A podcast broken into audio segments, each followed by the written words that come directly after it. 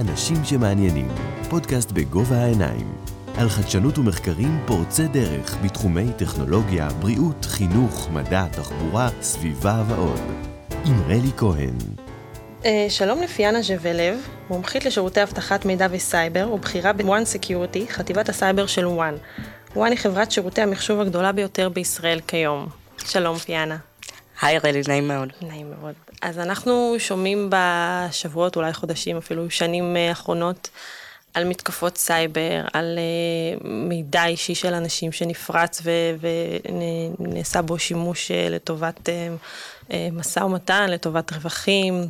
הרבה איומים, הרבה וירוסים, הרבה פישינג, הרבה אס.אם.אסים שאנחנו מקבלים לסמארטפון שלנו, שמנסים לפרוץ ולגנוב מאיתנו מידע ולעשות בו שימוש בכרטיסי אשראי שלנו, במידע אה, פרטי שלנו.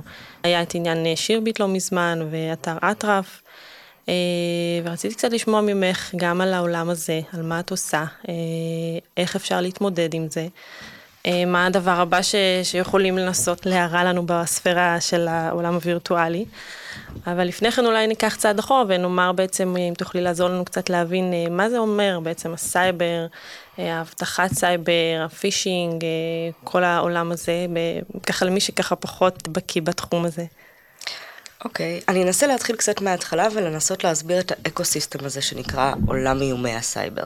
כי בסופו של דבר, אם אנחנו מסתכלים על זה, זה היכולות האנושיות של אותם אנשים שבאים לרצות לבצע איזשהו נזק או לתקוף או לגנוב בכל דרך שהיא. אה, וההבנה מה היכולות שלהם. לדוגמה, הזכרת את אירוע שירביט. שאירוע שירביט מבחינתנו הוא מיילסטון מאוד מאוד חשוב. כי לא רק שהארגון נפגע, ולא רק שהיו שם הרבה מאוד כשלים בניהול אבטחת המידע והדרך שבה התוקפים הגיעו והנזק שהם עשו. אנחנו רואים פה תגובה מאוד מאוד חזקה מהצד הבירוקרטי של מדינת ישראל, ואת ה... הקנס הגדול ביותר שניתן לפחות כרגע על ידי אה, הגוף להגנת הפרטיות של ישראל, של 10 מיליון שקל, שזה חסר תקדים וזה גם הולך להשפיע על כל השנה והשנים הקרובות שלנו. אז האקו-סיסטם שלנו מאוד השתנה. אם נסתכל אחורה איפשהו שם בתחילת שנות 2007, 2008, 2009, היה לנו פרצה מאוד מאוד גדולה ומאוד מביכה לבנק ישראל. האתר של בנק ישראל נפגע. מה קרה בפועל? בצורות כאלה ואחרות, בפרצה שהיא יחסית פשוטה טכנולוגית, הצליחו לפרוץ ולקבל שליטה באתר של בנק ישראל.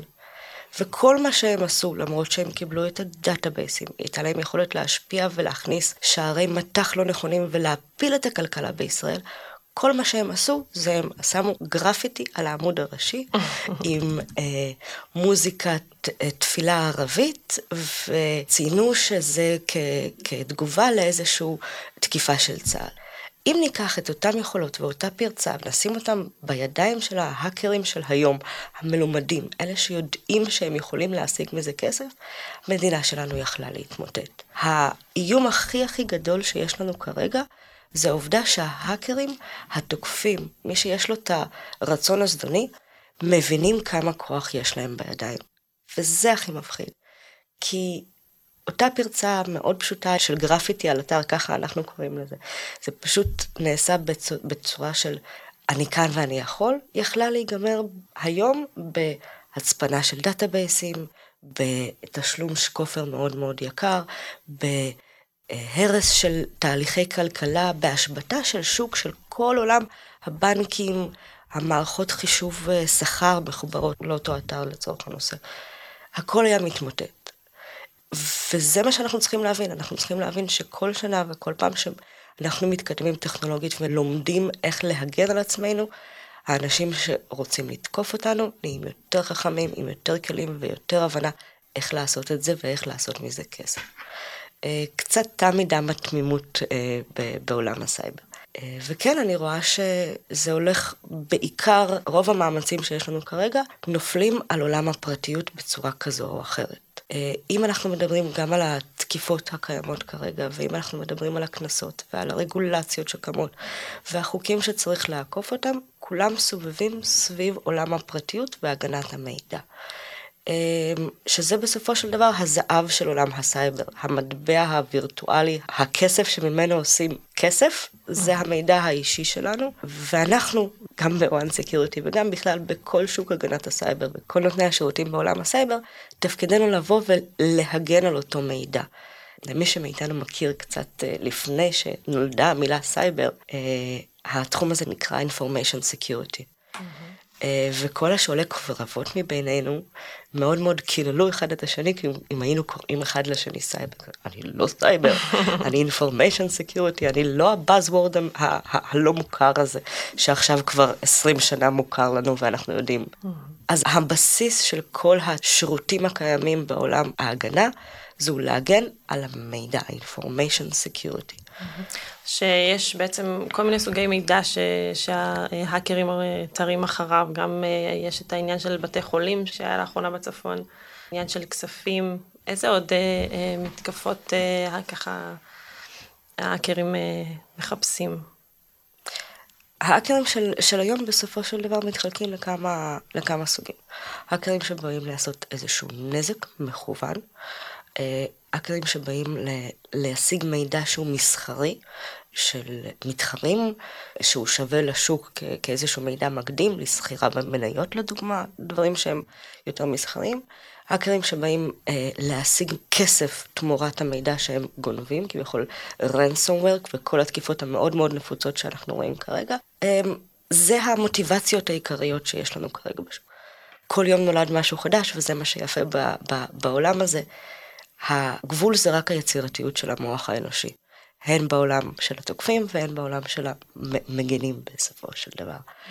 אמ, אז אם אנחנו מסתכלים על העולם הראשון של הנזק, זה יכול להיות גם עובדים ממורמרים, זה יכול להיות סתם אנשים שרוצים לייצר נזק אישי ו- ומשתמשים בכלים שהם כלים הרבה יותר מתוחכמים. באמת, מי, מי זה האקר הזה שככה עומד מאחורי כל ה... יש איזה פרופיל מסוים לאקרים? זה יכול להיות כל אחד, זה צריך להיות גיק טכנולוגי, או, או כל אחד מאיתנו יכול ככה לנסות ללמוד להיות האקר מתוך... אה... אתה לא צריך להבין שום דבר במחשבים חוץ מהכפתור Enter ומספר כרטיס אשראי. יש עולם שלם שנקרא דארקנט. דארקנט זה אותו פורטל אינטרנטי, שאתה לא יכול להגיע אליו באמצעות חיפוש, אתה צריך לדעת לאן אתה מגיע, יש כל מיני תהליכים שצריך לעשות, אבל אתה מגיע בסופו של דבר לאותו דפדפן.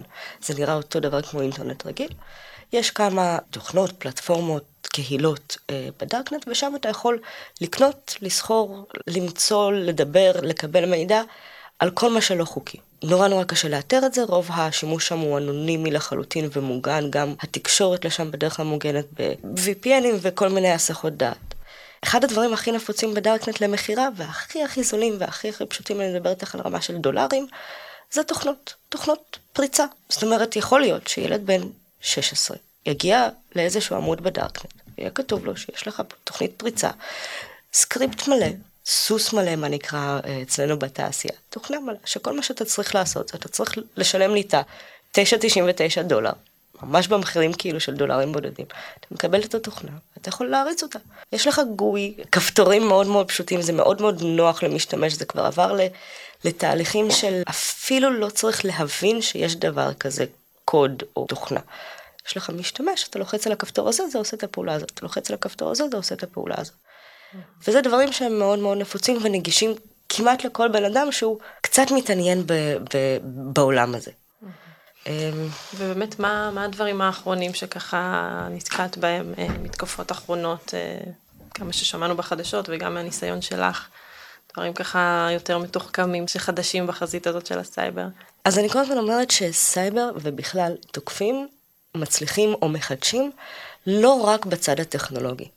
זאת אומרת, נכון, בשביל להגיע ולחדור לאיזשהו ארגון, צריך להיות מאוד מאוד טכנולוגיים, להבין איך לעשות את זה, להבין איך לעשות את הדברים נכון, לשבת שם בצורה מספיק שקטה, שכל הניטור, כי יש המון המון מערכות כרגע, כמעט לכל הארגונים בישראל, וישראל מאוד טובה בהגנת הסייבר לעומת שאר העולם. אתה צריך את הידע הטכנולוגי, אבל בשביל להצליח באמת בפרצה ולהצפין את כל הדאטאבייסים, כמו שהיה לנו בבית חולים בצפון, כמו שהיה לנו בשירבי, כמו שהיה לנו בתחילת השנה בעוד כמה חברות מסחריות. אתה צריך להבין הנדסה חברתית, וזה בסופו של דבר הקי של הצלחה של כל תוקף, אני קוראת לזה. מה את מתכוונת? פסיכולוגיה קצת? מאוד פסיכולוגי. הנדסה חברתית אה, מוגדרת בסופו של דבר באיזשהו תהליך שבו בן אדם פרטי מצליח להשפיע על בן אדם פרטי אחר, לבצע דברים שהם מחוץ למסגרת העבודה שלו, בעבודה שלו. אם זה בצורה טלפונית, אם זה בצורה של פנים מול פנים, אם זה בצורה של מיילים, בכל דרך שהוא. אני אתן לך כמה דוגמאות מאוד פשוטות. היה לנו איזושהי עבודה שהיינו צריכים לבצע, שכללה בתוכה גם הנדסה חברתית, והיה שם איזושהי חברה שהיינו צריכים לנסות לחדור את הבקרה הראשונית שלה, של הדלתות כניסה. ובאמת, הדלתות כניסה היו נעולות, והשומרים בדקו כמו שצריך, ותעודת זהות ופה, ולא יכלנו לפרוץ. לפרוץ, לחדור. אה, אני מדברת פיזית ממש. אה, ואחד הדברים שעשינו זה לקחנו ארגז של דיסק-און-קיים, שעל כל אחד מהדיסק-און-קיים התקנו איזשהו סוס. ופיזרנו אותם ברחבי החנייה של אותו ארגון. פיזרנו אותם גם על הדסק של המזכירה והקבלה וזה, זה, עם, לוגו של חברה, הכל היה זה. וכולם נורא נהנו, איזה כיף, יש דיסק און-קי חינם, כמובן, הכניסו וואו. אותו לתוך המחשב, המזכירה שהכניסה אותו לתוך המחשב, הסתכלה, הוא ריק, מצוין, אבל בשנייה שהכניסה אותו למחשב, וואו. הסוס שלי כבר נכנס, פרץ עליה, קיבל גישה לאותה מערכת ששולטת בדלתות, ופתח לי את הדלת. וואו. וזה בסופו של דבר זה לא טכנולוגי. כן, את צריכה לדעת להכין את הסוס הזה מראש, אבל זה לא טכנולוגי. כל הקסם פה הוא ההנדסה החברתית. כל ההצלחה של, של האירוע הזה יכול להיות לך הסוס הכי טוב עלי אדמות, אבל אם לא תצליח לגרום לבן אדם להכניס את הסוס הזה לתוך המחשב, לא יהיה לך גישה לאותה דלת, היא לא תוכל להיפתח ולא תצליח להיכנס לתוך הבניין, וכן הלאה וכן הלאה וכן הלאה. מדהים. שהסוס בעצם זה אה, תוכנה שמזיקה לארגון, או סוס, תסבירי בדיוק סוס? סוס מבחינתנו זה איזשהו סקריפט, איזושהי תוכנה שמבצעת פעולה שהמטרה שלה אה, לחדור, להזיק, לקרוא, להעתיק, לשלוח אות, לעשות כל פעולה שהיא, שמוגדרת. זה... אה, מהמטאפורה של הסוס הטרויאני. זאת אומרת שמכניסים משהו, אבל בפנים יש משהו אחר. מדהים, וואו. בעצם איך, איך, אה, איך אז אפשר להתגונן אה, מכאלה דברים בארגונים, בכלל אנשים פרטיים, יש לך טיפים או רעיונות? אני יכולה להגיד שבשנה האחרונה אנחנו רואים הרבה מאוד עלייה אצל ארגונים וארגונים גדולים כקטנים, בלי יוצא מן הכלל. אנחנו רואים עלייה בשני תחומים עיקריים. הכנה והתמודדות עם אירועים, שזה כולל בתוכו את כל עולם הצוות תגובה, שזה צוות שמגיע במקרה ויש לך אירוע. אה, תרגולי הנהלה של במידה ויש אירוע, מה עושים. אה, הדרכות מודעות לעובדים, של מגיעים לעובדים ונותנים להם את הכלים המאוד פשוטים של, אפילו מספרים את הסיפור של הדיסק און קי. Mm-hmm. זה הרי לא משהו שהוא מאוד מאוד מסובך להבין, אבל זה איזשהו קונספט קטן כזה של סוויץ' בראש, של זה יכול להיות מסוכן, אז לתת להם את הכלים מה יכול להיות מסוכן ומאיפה צריך להיזהר. אה, וגם עולם הרגולציה וכמו שציינתי לפני כן, עולם ההגנה על המידע. ואנחנו רואים שגם העולם כולו הולך במהלכים של קנסות ורגולציות ובקרות, כולם מרוכזות בלהגן על מידע. זאת אומרת, כל ה-Data Leakage Prevention זה עולם מאוד מאוד חזק שיש לזה. גם מוצרים, גם שירותים שיכולים לעזור, וכל הקנסות שלנו בזמן האחרון באמת מגיעות uh, מהנקודת מבט הזאת. יש גם את העניין של, uh, איך קוראים לזה? deep link? דיפ פייק? דיפ פייק. דיפ פייק, סליחה, כן. Uh, שזה גם חלק מה, מהעולם הזה, של זיוף uh, של אנשים בעצם מדברים, uh, דברים שהם uh, לא אמרו באמת, uh, הלבשה של, uh, של מילים על הפנים שלהם, שזה נראה מדהים שזה פשוט אחד לאחד. זה משהו שאתם גם מתעסקים איתו? זו תופעה שתלך ותגבר, או שאפשר למנוע את זה גם? דיפ. פייק uh, כרגע עדיין קצת יותר שייך לעולם התקשורת וה PR והפרסום. Mm-hmm. אנחנו רואים וצופים את זה כבעיה לאמינות של דברים, וזה למי, ש, למי שלא מכיר, זה איזשהו אלגוריתם שיודע לקחת סרטון של בן אדם אחד, תמונה של בן אדם מפורסם, להלביש את ה... תמונה של הבן אדם המפורסם על הסרטון של בן אדם אחר, ולהיראות כאילו הבן אדם המפורסם הוא זה שבעצם משחק בסרטון. אפשר לעשות את זה עם וידאו, אפשר לעשות את זה גם עם אודיו לצורך הנושא. אה, וזה מאוד מאוד מבלבל. מי שמאיתנו ראה את הסרטונים הרצים ברשת של, אה, לא יודעת... אובמה היה. ו... אובמה משחק תפקיד של, בחומות של תקווה או משהו כזה. כן. דברים כאלה. אז זה עדיין, עדיין נשאר בעולם הזה, אנחנו לחלוטין רואים איך התופעה הזאת זולגת לאט לאט לעולם הסיכונים, ואנחנו נערכים להבין איך אנחנו מתמודדים עם זה. אבל בגלל שהבקרות אבטחה שלנו אינן מושתתות על עולם של זיהוי פנים, לפחות לא ברמה של ארגונים. אנחנו לא מכינים את עצמנו לזה ברמה אקטיבית. זאת אומרת, כן נכנס לעולם המודעות, וכן נכנס לתוך עולם ההדרכות, האופציה לזה שיכולים להיות זיופים גם באזורים האלה, וגם זה לא אמין בצורה מלאה.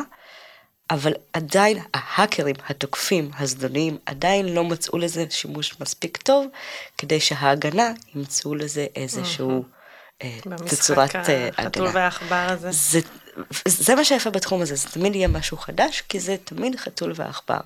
התוקפים מצליחים למצוא משהו מספיק יצירתי שעדיין לא הצלחנו להגן ממנו, אנחנו מגנים ממנו, ואז הם מוצאים משהו יותר יצירתי, ואז אנחנו מגנים ממנו, אנחנו מוצאים משהו יותר יצירתי. וככה העולם הזה מתפתח לטוב ולרע.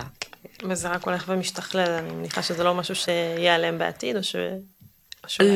לא, אני לא חושבת שזה משהו שיעלם בעתיד, ואני חושבת שיש הרבה מאוד עכשיו אה, תופעות של סמנטיזציה, to cement something. טוב, נשאר בסמנטיזציה. אוקיי. יש הרבה מאוד uh, תופעות שהתפקיד uh, של המנהל סיסו סייבר, מנהל אבטחת מידע, מנהל סיכונים, אה, בודקי, דברים כאלה, הם, הם נהיים חלק מתפקידים לגיטימיים בארגון. אם לפני עשר שנים העובדה שיש לך סיסו, שזה Chief Information Security Officer, שזה C-Level שמתעסק אך ורק בעולם אבטחת המידע, היה מופרך לחלוטין, היה את זה אולי בבנקים, אולי בחברות הביטוח, וזה אך ורק בגלל שירדה להם רגולציה מבנק ישראל ומשרד האוצר ומקומות דומים. בחברה רגילה, גדולה ככל שהיא, התפקיד הזה היה, צחקו עליו שהוא מיותר, יש לנו את הסאב קונטרקטור שעושה לנו את המבדק חדירה השנתי הנדרש, וזהו. היום אני רואה כאחד, כל החברות אה, חייבות איזשהו גורם מוסמך שיודע להנחות אותם ולכוון אותם בתוך העולם הזה, ולא רק בגלל ההנחיה שקיימת כרגע והרגולציה שקיימת כרגע בשוק, גם בגלל הבנה שזה נדרש. כי אם לפני 15 שנה, כשתקפו את בנק ישראל, הנזק שזה עשה זה נזק תדמיתי לישראל, לבנק ישראל, וכן היה זה, לא היה על זה איזשהו קנס, לא היה איזשהו... הדבר הכי נוראי שקרה לבנק ישראל בפועל, זה שהם עברו מספק סופר זול לתחזוקה של אתר, לספק יקר של תחזוקה של אתר. זה הנזק שקרה לבנק. היום כשאנחנו מסתכלים על ה-10 מיליון ששירביט קיבלה, אותם מנהלים של אותם חברות באים ומסתכלים, רגע, הסיכון שלי לנזק זה 10 מיליון. ובשביל שזה לא יקרה אני צריך לעשות XYZ, אז אני אעשה את זה. אז אני אשקיע בזה. אז אנחנו רואים הרבה מאוד עולם ה security נכנס לתוך המרקם של חברות כבר מלכתחילה, כבר בשלבים הרבה יותר התחלתיים, וחלק מאוד מאוד אינטגרלי. אנחנו רואים שילוב של עולם הסייבר עם עולם ה-IT. אנחנו אה, רואים שקם לה מקצוע חדש, שאם לפני זה נולד ה-DevOps, אז עולם, היום נולד ה-DevSecOps. גם אולי נחזור לאמרת שהשילוב עם ה-IT, יש לך דוגמאות אה, לשילוב של IT וסייבר? הבטחת... אה, כן, אמ, מבחינת המחשבות והכלים שיש לעולם ה-IT כרגע, זה מה אני צריך לעשות כדי שהעבודה של הארגון שלי תתבצע. אם אני צריך עכשיו, לא יודעת, למכור תפוחים, הארגון שלי צריך למכור תפוחים, אז אני צריך בן אדם שיעמוד בדוכן, אני צריך בן אדם שיעמוד על הקופה, ואני צריך בן אדם שישים בתוך שקית. Okay. אז התהליך המחשובי מאחורי אותו תהליך, זה עולם ה-IT. ואם אנחנו נסתכל על, על עכשיו, עולם ה-IT, מתחברת לו פנימה עוד שאלה. לא רק מה אני צריך כתהליך מחשובי כדי שזה יעבוד, אלא גם מה אני צריך כתהליך מחשובי שזה יעבוד בצורה מאובטחת. שאף אחד לא יבוא מהצד ויפגע בתהליך הזה. כמו נגיד אה, מכונת ליקוט אה, של אה, סופרים, ש... שלא ייפגע התהליך הזה מהארגזים עד הלקוח, מהאיסוף של אותם תפוחים עד הלקוח. לדוגמה. בדוגמה פשוטה. לדוגמה, אם ניתן את הדוגמה בתפוחים, אפשר להעלות את זה ל- ל- לרמות הרבה יותר גבוהות לחברות טכנולוגיות, ששם באמת רואים את האימפקט של עולם הטכנולוגיה. הליכים רפואיים למשל גם. הליכים רפואיים. יש, אה, יש היום חברה ממש אה, חמודה רפואית שאנחנו עובדים איתה עכשיו, שהיא אחראית על תקשורת בין החולים לבין המרפאה בעת מבחנים קליניים. מבחנים קליניים זה כשנותנים תרופות מחקר לאותם אנשים ורואים איך זה עובד. יש המון תקשורת, זה תקשורת יומיומית. גם המטופל צריך לקבל מידע נכון מה לעשות באותו יום מבחינת הבריאות שלו, וגם הרופא צריך לתת את ההנחיות ולקבל מהרבה מקומות, גם את הבדיקות דם, גם את הזה. הליין הזה הוא מאוד מאוד פרג'ל. חיי אדם עומדים על זה. זאת אומרת, אם הרופא ייתן הנחיה לא נכונה, או מישהו במקום הרופא ייתן בצורה זדונית הנחיה לא נכונה, בן אדם יכול לא לשרוד את זה או לקבל איזשהו נזק מאוד מאוד חמור.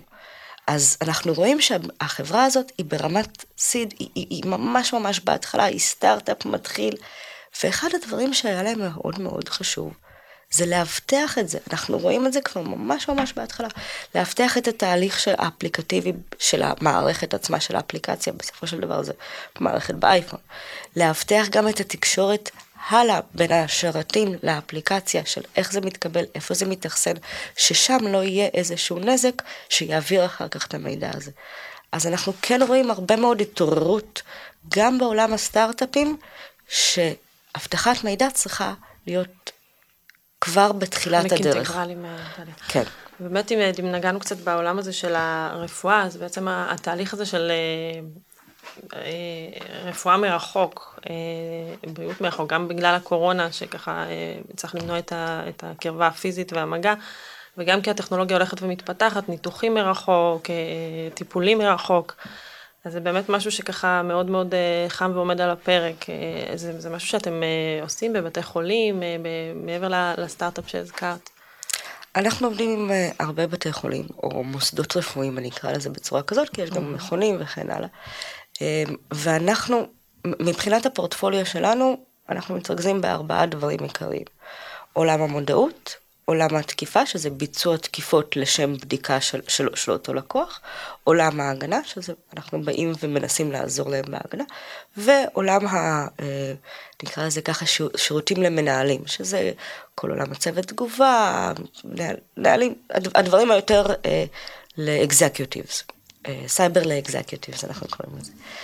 אה, אז כשפונה אלינו ארגון, גם ארגון רפואי, כמובן, אחד הדברים הראשונים שאנחנו עושים, אנחנו עושים להם איזושהי בחינה של התשתיות שלהם כדי להבין מה המצב הנוכחי שלהם. ובאמצעות הבחינה הזאת מייצרים להם איזה שהם המלצות לשיפור אבטחת המידע. כמו מה שהזכרתי עם הדיסק און קי. כמו מה שהזכרתי עם הדיסק און קי, אבל יותר לצד הטכנולוגי והתהליכי. Mm-hmm. וברגע שיש להם את הכלים האלה, אנחנו באים ומכניסים איזשהו best practice שלנו, שאם לסכם אותו בכמה מילים מאוד מאוד פשוטות, בלי להיכנס לעולם הטכנולוגי, אבטחת מידע זה לא אפס או אחד. אין לך, לא יכול להיות לך מצב של יש לך אבטחת מידע או אין לך אבטחת מידע. וכל ארגון צריך לשאוף כל שנה לשפר את אבטחת המידע שלו בחמש אחוז. זאת אומרת, אם ההגנה מיושנת או קצת אה, לא טובה, זה בעצם אפס, את אומרת. לא, אני אומרת כאילו שאין אין. דבר כזה אפס או אחד. יש דרגות בעצם של אבטחה, את מתכוונת. אני אומרת שיש אחוזי סיכון. בעולם אבטחת המידע הסיכון מחושב על ידי שני מדדים עיקריים. רמת הסבירות שהתקיפה הזאת תקרה, ורמת החומרה שלה. ואם מחשבים את שני הנתונים האלה ביחד, את מקבלת את הסיכון. זאת אומרת, בכמה אני הולכת להינזק, ומה הסיכוי שלי שזה יקרה. וכל ארגון, הרמת סיכון הזאת מחושבת אחרת לחלוטין, אפילו יכולה להיות אותה פגיעות, אותו שרת לא מעודכן, כמו שאם ניקח את הדוגמה שלך מלפני זה, בחברה שהיא חברת הייטק, ואותו שרת שהוא לא מוגן בחברה שהיא, אה, נלך על כיוון אחר לחלוטין, על קיוסק. אוקיי? אז את מסכימה איתי שרמת החשיפה לאותה חברת הייטק היא הרבה יותר גדולה מכל קיוסק הכי, mm-hmm. הכי מפותח. הכסף ש, שזה יעלה להם לתקן את זה, mm-hmm. החשיפה שלהם. אה, אז גם ההמלצות שלנו יהיו מאוד מאוד שונות לכל אחד מהארגונים האלה, כי גם המאמץ שאותו קיוסק יידרש לעשות כדי לעמוד באותה רמת אבטחה כמו חברת הייטק, הוא יצטרך לפרוש מהקיוסק ולעבוד בלתת כסף לאותו איש סייבר שיגן עליו. אז גם המאמץ תמיד צריך להיות פרופורציונלי לאותו עסק. בגלל זה אני אומרת, המטרה היא להשתפר ב-5% כל פעם מהנקודה בה אותו ארגון נמצא. אתה לא יכול לבוא ולהגיד, הנה, עכשיו אני, עכשיו אני אהיה מוגן. אני אשים את כל המוצרים, אני אשים את כל הדברים, אני אעשה את כל הבדיקות ואני אהיה מוגן ב-100%. אין דבר כזה 100%. מי שאומר לך איכשהו קשור לעולם הסייבר ואומר לך אני מוגן ב-100%, הוא משקר. כאילו, פשוט לא עובד ככה. ואם נחזור רגע לחברות של השירביט ולאתר אטרף, זה דברים שהיה אפשר אה, למנוע לדעתך, מהניסיון שלך? זה או שזה משהו שיכול לקרות לכל אחד? אני אנסה לרדת לשורש העניין ולא להתייחס לאירועים האלה ממש ממש בפרטים הטכנולוגיים שלהם, גם בגלל שלא הייתי חלק מתהליך התגובה, וגם בגלל שיש דברים שהם יותר המידע שלהם. אני אנסה לקחת את זה לעולם קצת יותר מטאפורי ולהסביר את הבעיה העיקרית שקיימת כרגע בעולם הסייבר. יש לנו הרבה מאוד מוצרים בעולם הסייבר, והמוצרים האלה טובים מאוד, ועושים את העבודה שלהם טוב מאוד. יש לנו יצרנים שעובדים על זה עשרות שנים ומשפרים את זה ונותנים פאצ'ים כל יום וכל שבוע, והכל מושלם.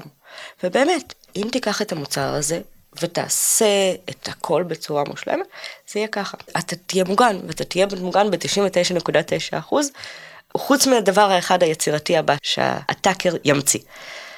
הבעיה היא לא שם, הבעיה היא זה הצורת הטמעה. זאת אומרת, יש את הצוות שבוחר את המוצר וקונה אותו, ואז זה מגיע לצוות שצריך להטמיע, ואז מגיעים לא, לאותו לקוח ואומרים, אוקיי, בשביל להטמיע אני צריך 1, 2, 3, 4, 5, 6 פעולות. אבל פעולה מספר 5 מפריעה למחלקה כזאת וכזאת לעבוד. בואו לא נעשה אותה, נעשה אותה בצורה אחרת. אבל בשביל לתחזק אני צריך גישה מרחוק, כי לא נוח לי להגיע למשרד, כי עכשיו קורונה. אז פתאום למישהו יש גישה מרחוק בתצורת אדמין. וכל אחד מהדברים האלה שהם הגדרות והטמעות, הם אלה שפותחים אותנו כמו גבינה שוויצרית לחלוטין, פשוט חורים בגודל קילומטרים, שפותחים אותנו לאותן תקיפות סייבר. גם באטרף, גם בשירביט, גם ב, אה, בבית חולים בצפון, גם בזמנו בבנק הפועלים ב-2007, מה שזה לא יהיה אותה תקיפה, זה הכל עניין של הגדרות. זאת אומרת, הפתרון הוא, הוא פתרון בסיסי וצריך להתאים אותו ל... ל, ל... לרמה הספציפית של כל ארגון ו- ו- וגוף בעצם, ושם לפעמים קצת יותר מאתגר. ה-know-how והחוזק שלנו לצורך העוסק, אחד הדברים שאנחנו נותנים לארגונים, זה אנחנו נותנים להם את הכלים ואת ההנחיה איך להטמיע את המוצרים שהם קנו בצורה נכונה. אנחנו באים ובודקים, רגע, שנייה, יש לך את המוצר הזה, ואת המוצר הזה, ואת המוצר הזה, תראה לי את ההגדרות שלו, תראה לי את התכולות שלו, תראה לי את הצורת הטמעה שלו, למי יש גישה, למה יש לו ולמה יש לו. אז אנחנו מכינים איזושהי הנחיה, ממש ממש, עד לרמה של הפעולה. את הגישה הזאת תסגור, את השרת הזה תשדר, את זה תס...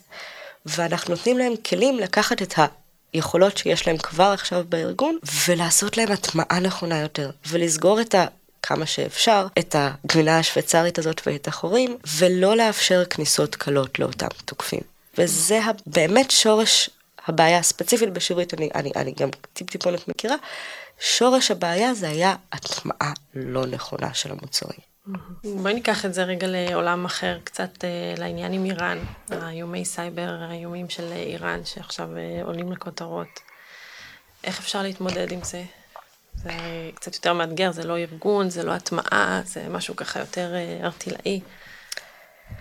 תוקפים מדיניים, ואנחנו קוראים לזה תוקפים מדיניים כי זה בסופו של דבר מדינות שתוקפות אחת את השנייה.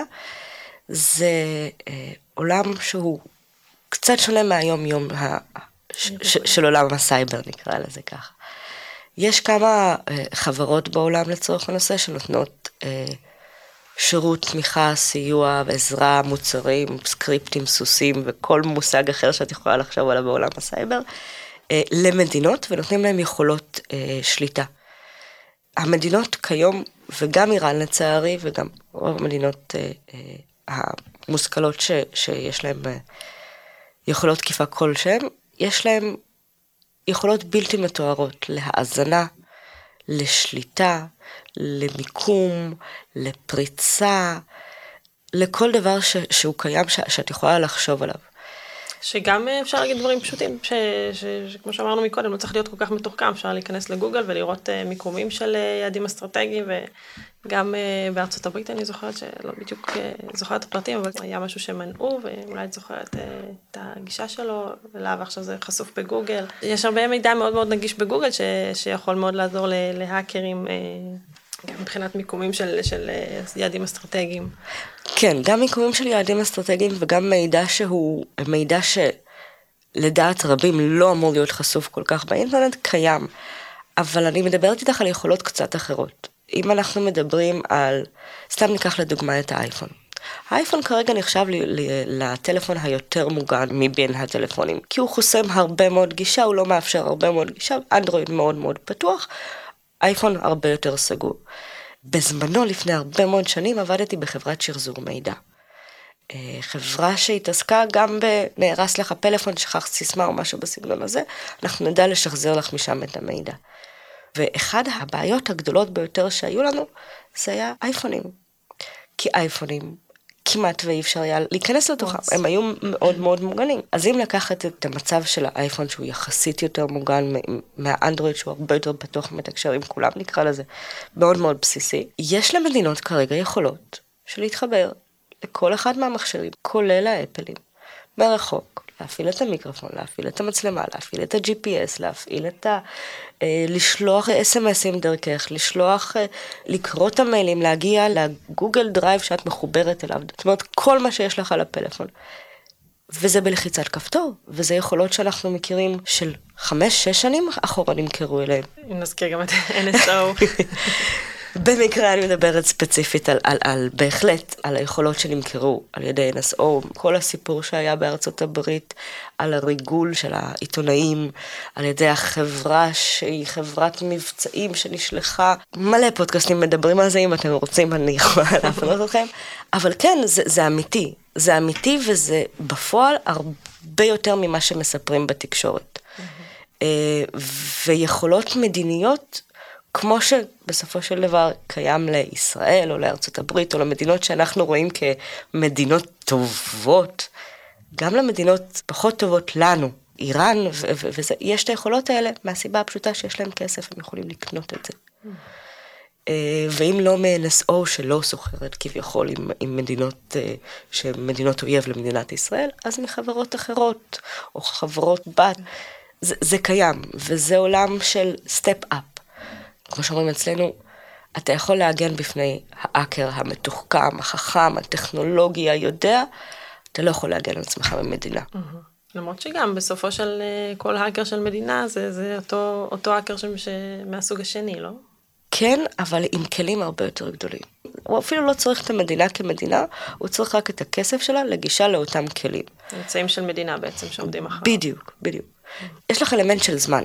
אני אתן לך דוגמה מאיזשהו בנק אה, בניגריה, שעשינו אצלו צוות אה, תגובה, שהגיע והסתבר שבמשך שלוש או ארבע שנים, מישהו פרץ להם לבנק, הוא ישב אצלם שלוש או ארבע שנים, בשקט, שקט, שקט, שקט, שקט, וחיכה לרגע שבו אף אחד לא ישים לב, ועשה העברה של כמה מיליונים דרך פרוטוקול סוויפט. פרוטוקול סוויפט דאז, אני מדברת איתך על 2000.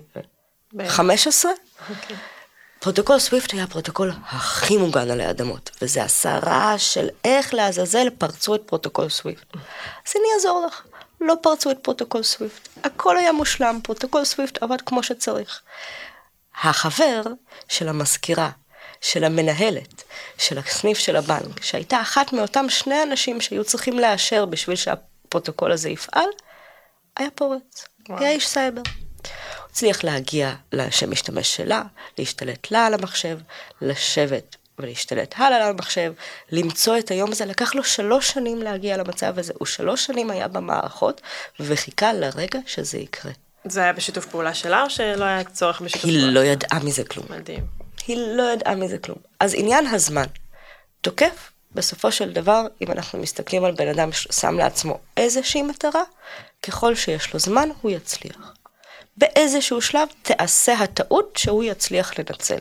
יש המון המון חברות שעושות עכשיו אה, שירותים שהם יותר oriented לבחינה של אותו resilience של אורך זמן.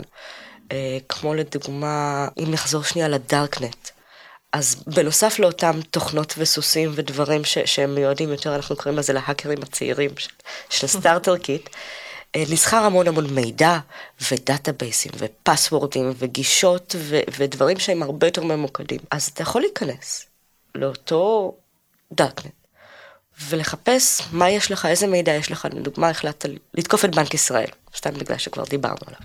להתחיל לחפש איזה מידע יש על בנק ישראל, להתחיל לחפש, ולמצוא אולי פסוורדים, אולי דאטאבייסים, אולי גישות, אולי לינק למשהו שהוא פתוח שדרכו אפשר לקפוץ לאנשהו, וכן הלאה וכן הלאה וכן. אתה קונה את כל הדברים האלה, ואתה מתחיל לעבוד עליהם.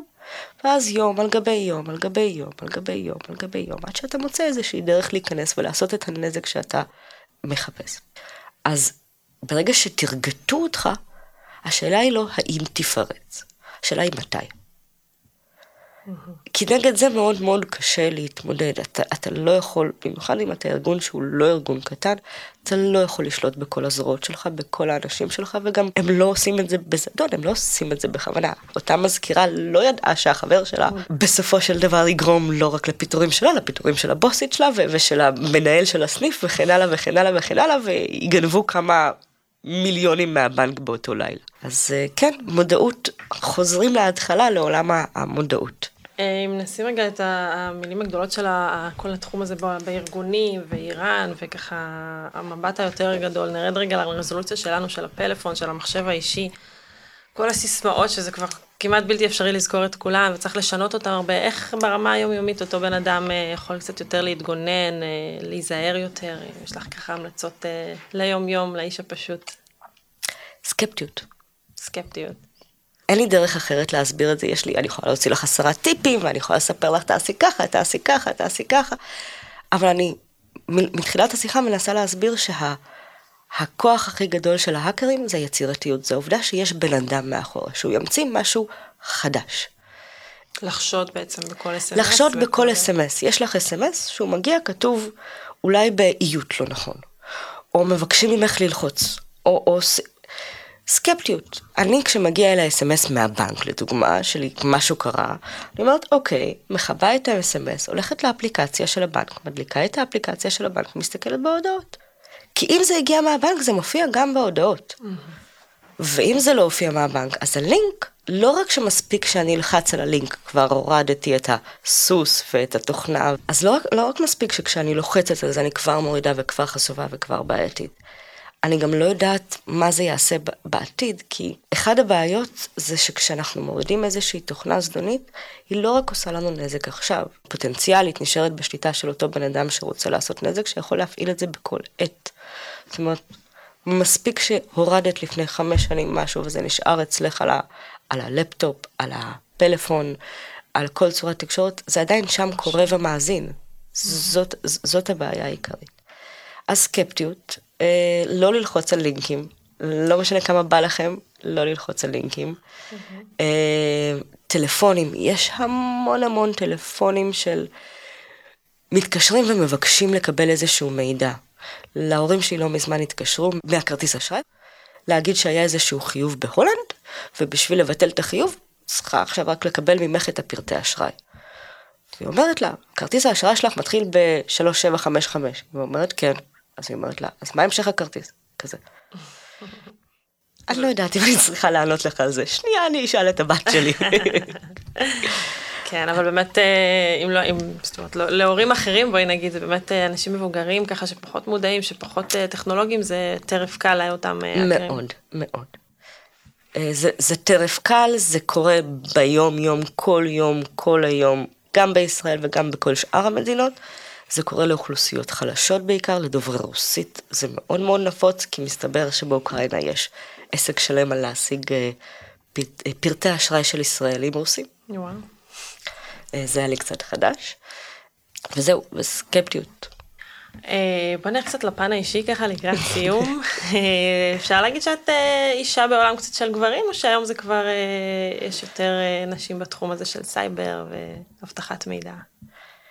רואים ניצנים פה ושם של נשים. זאת אומרת, אה, מדי פעם כשהולכים בתוך מסדרונות עולם הסייבר, רואים פה ושם שיער ארוך, וגם מדי פעם זה אישה מאחור, מאחורה ולא רק גבר עם שיער ארוך. יוצא לך להיות ככה אישה יחידה בהרבה פגישות? לרוב. לרוב אני אישה יחידה, אלא אם כן יש בפנים את uh, הצד המשפטי, ואז יש עורכות דין. ואיך, איך, אה, זאת אומרת, יש, יש איזה יותר מאתגר, זה, זה, תופסים אותך קצת אחרת, נתקלת בסיטואציות קצת אה, מרגיזות, או ש... אני חושבת שכל אישה תענה לך על זה כן, mm-hmm. ולא משנה איפה היא עובדת ובאיזה תחום היא עובדת, כי לצערי העולם שלנו עדיין אני לא יודעת אם עדיין, ואני לא יודעת אם לצערי, סליחה, לוקחת את זה חזרה. העולם שלנו הוא סטריאוטיפי. וכבני אדם אנחנו צריכים איזה שהם תבניות כדי להמשיך לחיות ולחיות בצורה טובה ולקטלג דברים. אנחנו מקטלגים, אנחנו מקטלגים דברים לצבעים, אנחנו מקטלגים דברים לגבהים, וגם בסופו של דבר, לטוב או לרע, יש שוני בין המינים. זה לא אומר שמין אחד טוב יותר, מין אחד רע יותר, פשוט יש שוני, יש יכולות שונות לאותם אנשים, בנוסף לאישיות שזה רובד נוסף של שוני, אבל נשים נוטות להיות פחות טכנולוגיות. בעולם שלי, אני פחות מכירה אנשים שמאוד מאוד טכנולוגיות, אני יותר מכירה אנשים שהם אה, באות מעולם הסדר נקרא לזה ככה, הרגולציה, ההדרכות, אה, המודעות, הכלים שהם מעבר שדורשים קצת יותר רגש. כי זה כוחה של אישה, להוסיף קצת, קצת רגש לתוך העולם המאוד סרגלי הזה. אני חושבת שאת תחטפי על זה קצת. יכול מאוד להיות שאני אחטוף על זה. אני, זו דעתי האישית. גם העניין של נשים פחות טכנולוגיות וגם העניין לא, של הרגש. יש דברים מאוד רגישים ויש נשים מאוד uh, קרות נאמר. אה, כן, כן, אני יכול מאוד להיות שאני אחטוף על זה ואני מתנצלת, זאת דעתי האישית בלבד, לא חל על אף אחד אחר ובכלל לא מנסה לנתח את העולם. אה, אבל את יכולה להבין... אני רוצה להסתכל על זה כעל חוזקה, לא, כ, לא, כ, לא כחוזקה נגד הגברים, או לא כמשהו שהוא... אבל אני כן רואה את זה כחוזקה אצל נשים, גם נשים טכנולוגיות, ויש לי המון המון חברות מתכנתות, מה, נסר ספק, זה לא... אה, יש להם איזשהו ניצוץ שמגיע קצת יותר מעולם האינטואיציה אולי, אולי פחות המילה רגש, אולי אינטואיציה. ועוד פעם עדיין הגברים הולכים לתקוף אותי חזק. את אומרת, אני יכולה, את אומרת שאת בעצם, אם אני מבינה את זה נכון, יכולה להבין למה יש יותר גברים בתחום הזה? לא. לא בגלל שאני, אני לא אומרת שאני יכולה להבין למה יש יותר אה, גברים בתחום הזה, אני חושבת שהטנדנציה תשתנה. ואני מסתכלת על הדור הצעיר של עכשיו, ואני יכול להיות לא רואה את הסטריאוטיפים שאני גדלתי בתוכם, ואני מאוד מאוד מקווה ש, ש, שזה יתפתח וזה ישתנה והם יפתחו, הדור הבא ילמד אותנו איך באמת צריך לחיות וכן הלאה וכן הלאה, אבל אה, אני כן רואה שזה מה שקיים כרגע בשוק, זאת אומרת אנחנו כן עדיין קצת בעולם של, של מדמן, של העולם הישן, וככה הוא נראה. אז באמת, איך, איך הגעת לתחום? איך פרסת ככה את התקרת זכוכית בתחום שלך לתפקיד שלך? אני הגעתי במקור מעולם שהוא שונה לחלוטין. אני הגעתי מעולם הלוגיה. אה, למדתי קרימינולוגיה, פסיכולוגיה, אנתרופולוגיה, סוציולוגיה, וכל דבר שמסיים בלוגיה עשיתי ו- ולמדתי בחיי. Uh, באתי בצבא, עוד הייתי בעולם שהוא עולם פורנזיקה וחקירות, חקירות מסמכים, וזה מאוד מאוד עניין אותי. אני בן אדם מאוד לוגי, בשונה ממה שאמרתי שלאנשים יש רגש ואינטואיציה וכל זה, אז הנה אני סותר את עצמי. אישה לוגית, כן. אני, אני בן אדם מאוד מאוד לוגי ומאוד סמי טכנולוגי, אני אקרא לעצמי. אני תמיד ידעתי להסביר איך לעשות, אבל לא לעשות בפועל. להסביר מאיפה דברים מגיעים, אבל לא לעשות אותם בפועל. וגדלתי קצת על עולם היותר פורנזיקה וקרימינליסטיקה, וזה דברים שמאוד מאוד עניינו אותי. והבנתי שבישראל קצת פחות יש מה לעשות עם זה במוסדות הציבוריים, ולאט לאט נמשכתי גם לעולם הטכנולוגי ש- שהכרתי מהבתי ספר שהייתי בהם ומהחברים שאיתם גדלתי ומהבן זוג שלי. אה, ומצאתי לעצמי נישה שאני יכולה לבוא ולהגיד, אוקיי, אני גם עוסקת הבנת הנפש של הפושע במילים אה, אה, יפות כאלה, וגם עוסקת בעולם שהוא יותר טכנולוגי ויותר fast facing, כאילו מהיר, עם קצב מהיר יותר, שמתאים הרבה יותר ליום-יום שלי. עשיתי גם בסופו של, של יום את התואר השני שלי בניהול מערכות מידע, שזה היה הרבה הרבה יותר טכנולוגי, אה, כולל בתוכו גם כמובן, זה MBA לניהול מערכות מידע, זה היה כזה גם עסקי והרבה מאוד טכנולוגי, קיבלתי הרבה מאוד אה, כלים. והגעתי איכשהו לעולם שחזור מידע, ומשם הגעתי לעולם הסייבר ואבטחת המידע, וזה פשוט הרגיש שם. זה מרגיש כאילו כל הדרך שלי הלכתי להגיע למקום הזה, שבו אני צריכה קצת מהלוגיה, וקצת מהטכני, וקצת מהמסחרי, וקצת מהמערכות מידע, וקצת מהתקשורת, וקצת מה, מהלוגיקה, וגם קצת מהאמוציות והאינסטינקטים. וגם קצת לעשות טוב, קצת הרבה. כן, ולעשות טוב, זה, זה באמת אה, משהו שהוא מאוד מאוד משפיע על חיי היום-יום שלי. זאת אומרת, כשאנחנו מסיימים איזשהו פרויקט, ואנחנו עושים את הפרזנטציה ללקוח, ואנחנו נותנים לו את הכלים, ואנחנו מסבירים לו, אוקיי, א', כבר עכשיו עשית קפיצה, ואם תעשה XYZ, תעשה עוד קפיצה ועוד קפיצה, ו- וללוות את אותם לקוחות לאורך זמן, לזכור מאיפה הם התחילו ואיפה הם נמצאים עכשיו. זה, זה מאוד, אה, אה, זה נותן הגשמה עצמית, זה נותן איזשהו סיפוק. קראתי גם אה, באיזשהו מקום שאת התנדבת עם, בתחום של חינוך לסייבר, למצוינות. כן, אני התחלתי את הרומן שלי עם עולם החינוך במוסד שנקרא לימוד. לימוד זה תחת המועצה הציונית, ארגון שכל המטרה שלו זה התנדבות ולמידה אחד מהשני. אה, היינו עושים אה, פעם בשנה איזה שהם מפגשים של שלושה ימים, כולל לינה, כולל זה, וקורסים במהלך כל היום. כל האופרציה הייתה מתנדבים, מהראשון ועד האחרון. אז אני תמיד הייתי מאוד מאוד מחוברת ללימוד וקהילתיות ותמיכה אחד עם השני. משם המשכתי לשיתופי פעולה עם בתי ספר, אה, שזה כבר כשהייתי יותר בעולם הסייבר. אה, המשכתי לשיתופי פעולה עם בתי ספר והנגשה של מידע והבנה של התעשייה לאותם תלמידים בתוכניות יזמות, בתוכניות טכנולוגיות. זאת אומרת, מי שהתעניין קיבל גם מאיתנו את התמיכה. בתוך המשרדים, mentoring, דברים שהם מאוד מאוד נחמדים לילד שמתעניין ולפתוח לו את העיניים. אפילו עשינו איזה עזרה לאיזשהו סטארט-אפ של ילד שפתח ועזרנו לו ממש לכתוב את כל הדברים וזה היה מאוד נחמד. אחר כך היה לי כמה שיתופי פעולה של אה, אה, הרצאות ו- ו mentoring תחת משרד החינוך למגמות שהם פתחו למגמות י"ג-י"ב ללימודי סייבר. עזרנו להם גם אחר כך אה, קצת להתפתח בקהילה ובתעשייה ו- ו- ולקבל אה, משרות לבוגרי התוכנית. ובכלל עולם החינוך זה עולם שהוא איפשהו שם אצלי בלב ותמיד יישאר אצלי בלב וכל הזדמנות ש, שיש לי לשתף את זה לתוך עולם התוכן היומיומי שלי, אני עושה את זה מתוך הרבה מאוד אהבה. יפה. משהו שתרצי עוד אה, להוסיף לקראת סיום שאולי לא נגענו בו וחשוב לציין. שאלה מאוד קשה, לא נגענו בכל כך הרבה נושאים. הייתי רוצה להדגיש שלושה דברים עיקריים. עולם הסייבר זה ecosystem. ecosystem לא של שחור ולבן, אלא של שיפור, של שיפור תמידי. והדרך להשתפר זה להיות מודע, להבין מה הסיכונים שלך, להבין את הסביבה שלך, לדאוג שה... לא רק שהמוצרים והבקרות שלך נכונות, אלא גם התצורה שבה אתה משתמש בדברים האלה, ואתה משתמש ב- ב- ביכולות שאתה קונה בצורה נכונה. וזהו, ולהשתפר כל פעם אה, חמש אחוז. כל פעם חמש אחוז, כי בסופו של דבר מגיעים לאיזשהו שיפור. המטרה היא שיפור, זה לא רק להיות מוגן, זה לא שחור ולבן. לא לעמוד במקום, אלא להתקדם. בדיוק, אה, להתקדם יחד עם הזרם. התוקף הוא בן אדם אנושי בסופו של דבר, והדבר היחיד שעוצר אותו זה הדמיון. מאה אחוז, אני מאוד מאוד מודה לך. תודה שהגעת לכאן והתראיינת אלינו. תודה רבה על הספנה. הוקלט באדיבות בית אריאלה.